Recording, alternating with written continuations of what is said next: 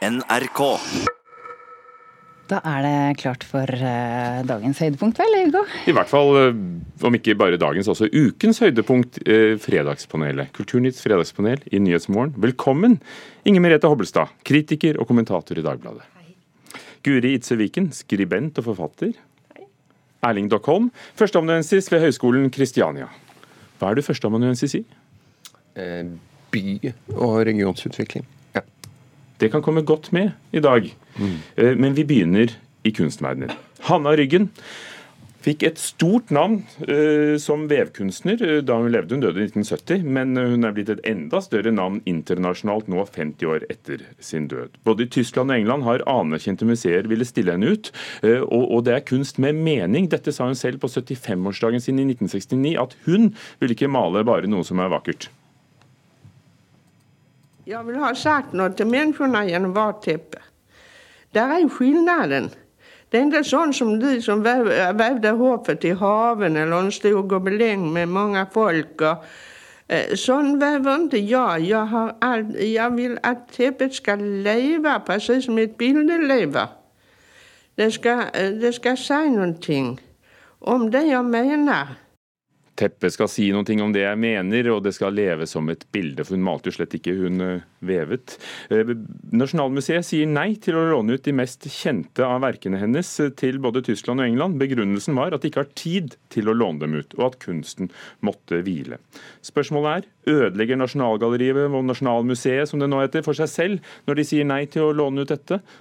Ja, litt. Ja, de gjør jo det på kort sikt. Ja. Er det så enkelt at eh, ja, nå, må, nå kan ikke vi låne ut noe fra det største museet vårt fordi vi skal flytte? Altså, nå er det jo to argumenter de kommer med eh, i denne saken, og jeg syns det er ett godt og ett ikke fullt så godt. Altså Det med at kunsten må hvile, og at den er skjør, og at den må ivaretas på en god måte, altså det, det, er jo et godt argument. Det kan man jo, er jo vanskelig å, å bestride. Altså Først og fremst så er jo ansvaret å ta vare på denne kunsten slik at den ikke forsvinner eller reduseres. Eh, men det med 'nei, vi har ikke tid', der er jeg vel litt, eh, litt mer i tvil da, om det er noen god både taktikk og strategi på lang sikt. Og særlig når du ser at mindre museer får jo til, mm. får jo til dette. Og ja, de er jo selvfølgelig midt inne i en voldsom flytteprosess, men de har jo også mer ressurser enn en vel noen annen kunstinstitusjon. Og, og, dette bør jo være en prosess som kan gå ved siden av, da, selv om de også har tusen andre ting å gjøre akkurat nå. Og så er jo spørsmålet hvordan tar man vare på kunsten? Mm. Ved å pakke den ned og ikke vise den frem til noen, eller ved å, å sende den rundt og vise den til folk.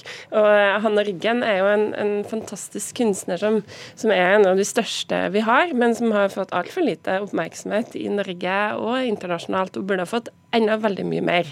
Og det En måte å, gjøre det på, å holde hennes eh, arv levende, er jo å sende henne rundt omkring og vise henne fram. Og så er det jo slik at Kunstmuseer lever jo ikke bare av eh, å eh, vise fram den kunsten de har. De lever veldig mye av å leve lever gjennom å vise fram den kunsten andre har, eller koble den til egne samlinger. Så eh, det er et globalt utvekslingsforhold eh, hvor man låner ut kunst, og så låner man inn kunst. Og den forsikres. Og det er egentlig den største byrden. Det er forsikring og transport og sånn, men det er veldig profesjonelle systemer på det.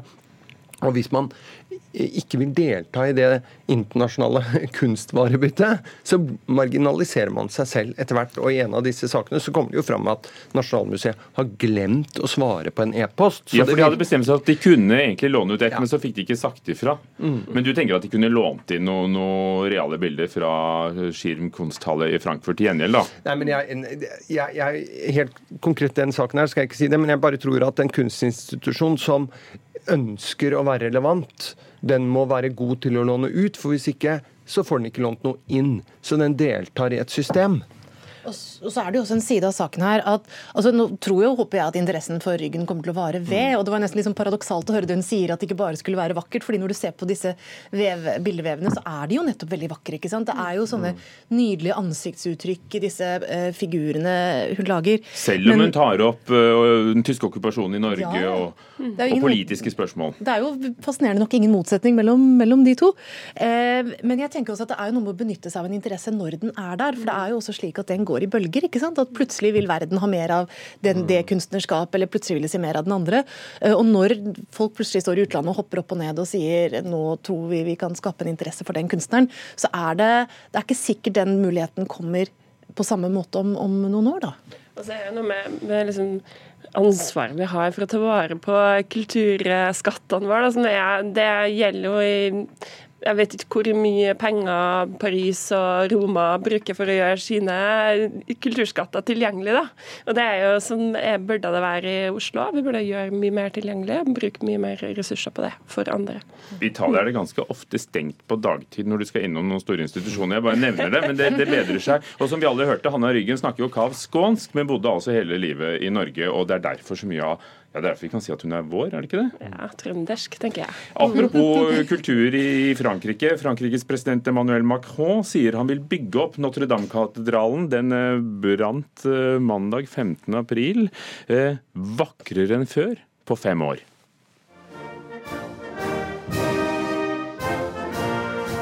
Alors oui, nous rebâtirons la cathédrale Notre-Dame plus belle encore. Et je veux que cela soit achevé d'ici cinq années. Nous le pouvons.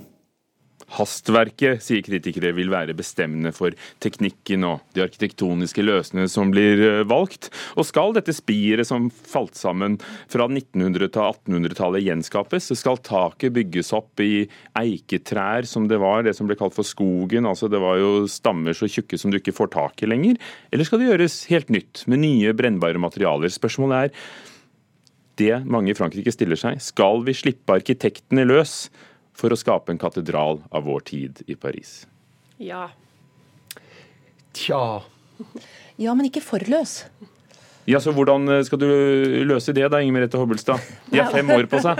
Men penger virker det som de kan få Ja, men ganske mye Dette det er jobben deres, det får de prøve å få til på, på et vis. Da. Nei, altså det jeg tenker er at Når et verk har stått så lenge som Notre-Dame har, så er det jo ikke arkitektonisk rent i utgangspunktet. Altså Det er jo et lappeteppe som har vært klabbet på gjennom hundreårene.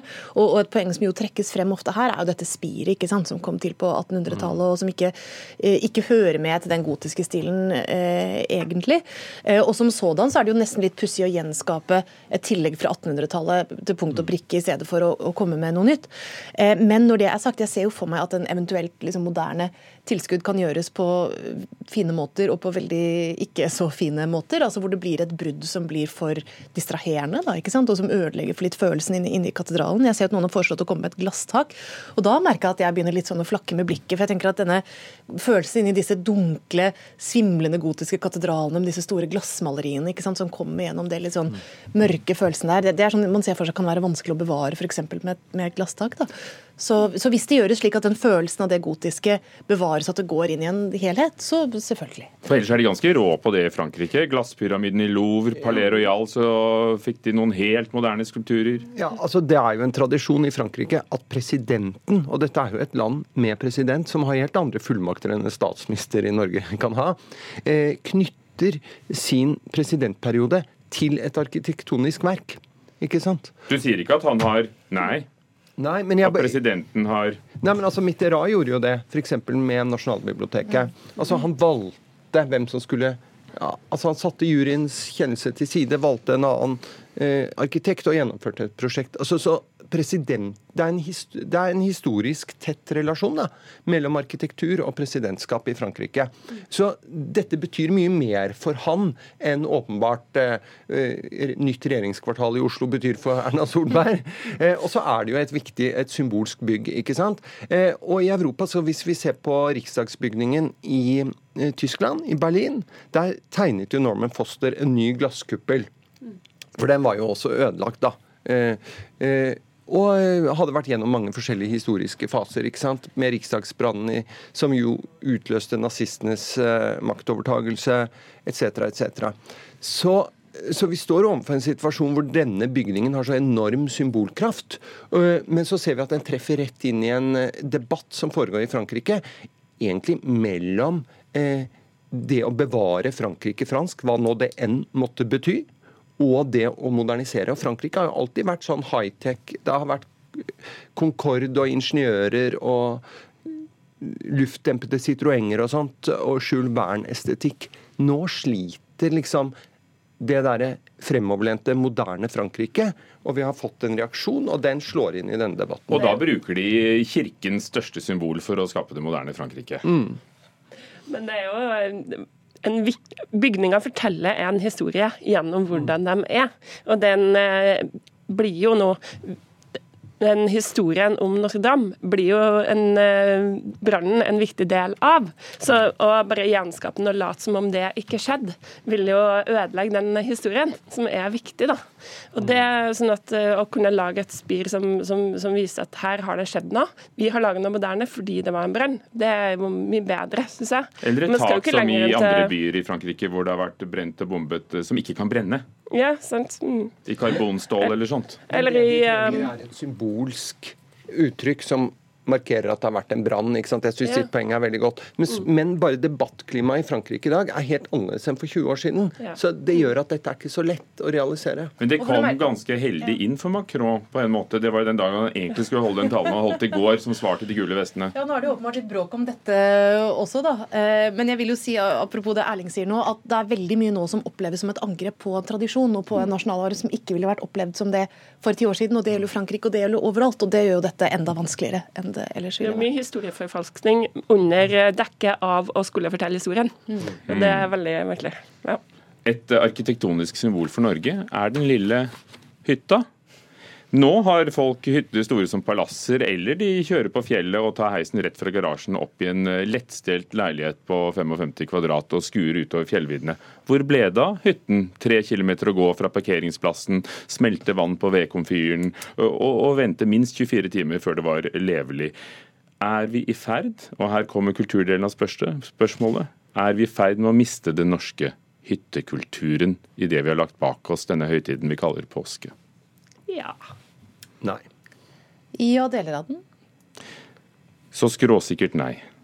Ja, fordi eh, det har jo aldri vært bygget flere hytter enn noensinne. Men det er helt klart at eh, den klassiske hyttekulturen, den uten vann, strøm eh, og komfort, Eh, den fortaper seg. Eh, men samtidig så blir jo den mentale opplevelsen av å dra på hytta og ta dette bruddet med hverdagen, det å dra ut i naturen til dette eh, paradiset man har skapt, blir jo større og større. For nå bygges jo altså Hyttestørrelsen har økt i snitt eh, på 30 år dramatisk. Den har økt med 30-40% Det samme har ant, altså antall hytter men jeg tror nå er det oppi nesten 7000 nye hytter hvert år. I 1983 var det 1800 hytter. Og det, altså det å ha hytte i verdens allerede mest hyttetette land eh, blir enda vanligere. Og svært mange mennesker har nå en større hytte enn de har en normalbolig. Og vi var jo glad da vi fikk innlagt vann og toalett i, i boligen ellers. Ja, det er jo flott det. Men jeg må si jeg bor eh, på Sandøya utenfor Tvedestrand, og der er det veldig mange flere hytter enn det er fastboende. Og sånn at jeg har eh, reflektert mye rundt hva jeg syns er en god hytte. Da. Og jeg synes jo de, eh, Der er det jo heldigvis såpass verna at eh, det ikke blir bygd så veldig store palasser. Men jeg syns jo de hyttene som er liksom søte og små og bare har sommervann, og det ser veldig mye hyggeligere ut å være der enn å være i sånne svære hus som man må, må bruke tid på å vaske og rydde i. si. Så ja, jeg, håper, jeg ville ha hatt en sånn hytte, da. Altså, jeg synes Det er litt interessant hva ved hytteopplevelsen som bevares ved at hytten endrer seg, og hva som går tapt. da. Fordi Det som går tapt, det er jo det at man tvinges over i et mer basalt liv, på en måte. Der det er færre muligheter til hva man kan gjøre. Eh, der man går ned til liksom noe fysisk. ikke sant? Man har ikke bekvemmelighetene, men det er alltid et eller annet som må fikses eller gjøres. eller... Altså, Den delen forsvinner jo litt ettersom leiligheten og hyttene blir mer bekvemme og mer, mer eh, lettstelte. Eh, men jeg tror jo at det ved å ta seg ut av de sammenhengene man vanligvis er i, det å komme på et relativt lite sted sammen med familien sin, altså det å ha nærhet til naturen, altså de, den delen vil jo bevares med den nye måten uh, å leve på. Og, og, så kan jeg ellers, uh, ellers si det, at jeg tenker at det er jo Eh, personlig sørger jeg ikke voldsomt over utedoen, i hvert fall. Jeg tenker at Den som gjør det, kanskje må minne seg selv litt om hva, hva, det egentlig var. Og det at hyttene blir litt større, altså når familie skal være tett oppå hverandre i dagvis, vet du hva jeg tror det beste du kan gjøre for den familien, er å la det være flere rom der man kan være litt for seg. Altså, dette er også familier som elsker hverandre, men det er noe med den tettheten som tross alt Den var jo en dyd av nødvendighet mer enn, mer enn noe direkte oppsett. Det er helt klart at nødvendighetsargumentet er godt. Det var jo ikke sånn at man bygde smått i gamle dager fordi man likte smått. Det var jo økonomien som styrte det. Men vi skal bare være klar over én ting, er at hytta ikke sant, er i dag blitt en integrert del av helgene. Folk får kortere arbeid. De, fredag er det ikke kø ut til Oslo, det er torsdag kveld, det er kø ut. Og AFP går av når det er 62. Og jeg tenker jo også at eh, det, de, eh, det virker bare veldig mye hyggeligere å være i en hytte som forholder seg til miljøet rundt. For på Sørlandet så ser vi de her svære hyttene som ikke er integrert i miljøet i hele tatt. Hvor folk ikke bryr seg om hvor hytta ligger, så lenge de har et stort nok palass med nok designermøbler som eh, vender seg mot sjøen. Så, så vender de på en måte ryggen til hele lokalmiljøet. da. Det tenker jeg, ja. Så samme moral for hytta og Notre-Dame. Bygg på, men pass på at det er tilpasset ø, omgivelsene og der det skal være. Kloke ord, tordentaler og analyser. Takk skal dere ha, Erling Dockholm, førsteamanuensis Høgskolen Kristiania, Inger Merete Hobbelstad fra Dagbladet og Guri Itze Viken, skribent. Det var Fredagspanelet sitt, det.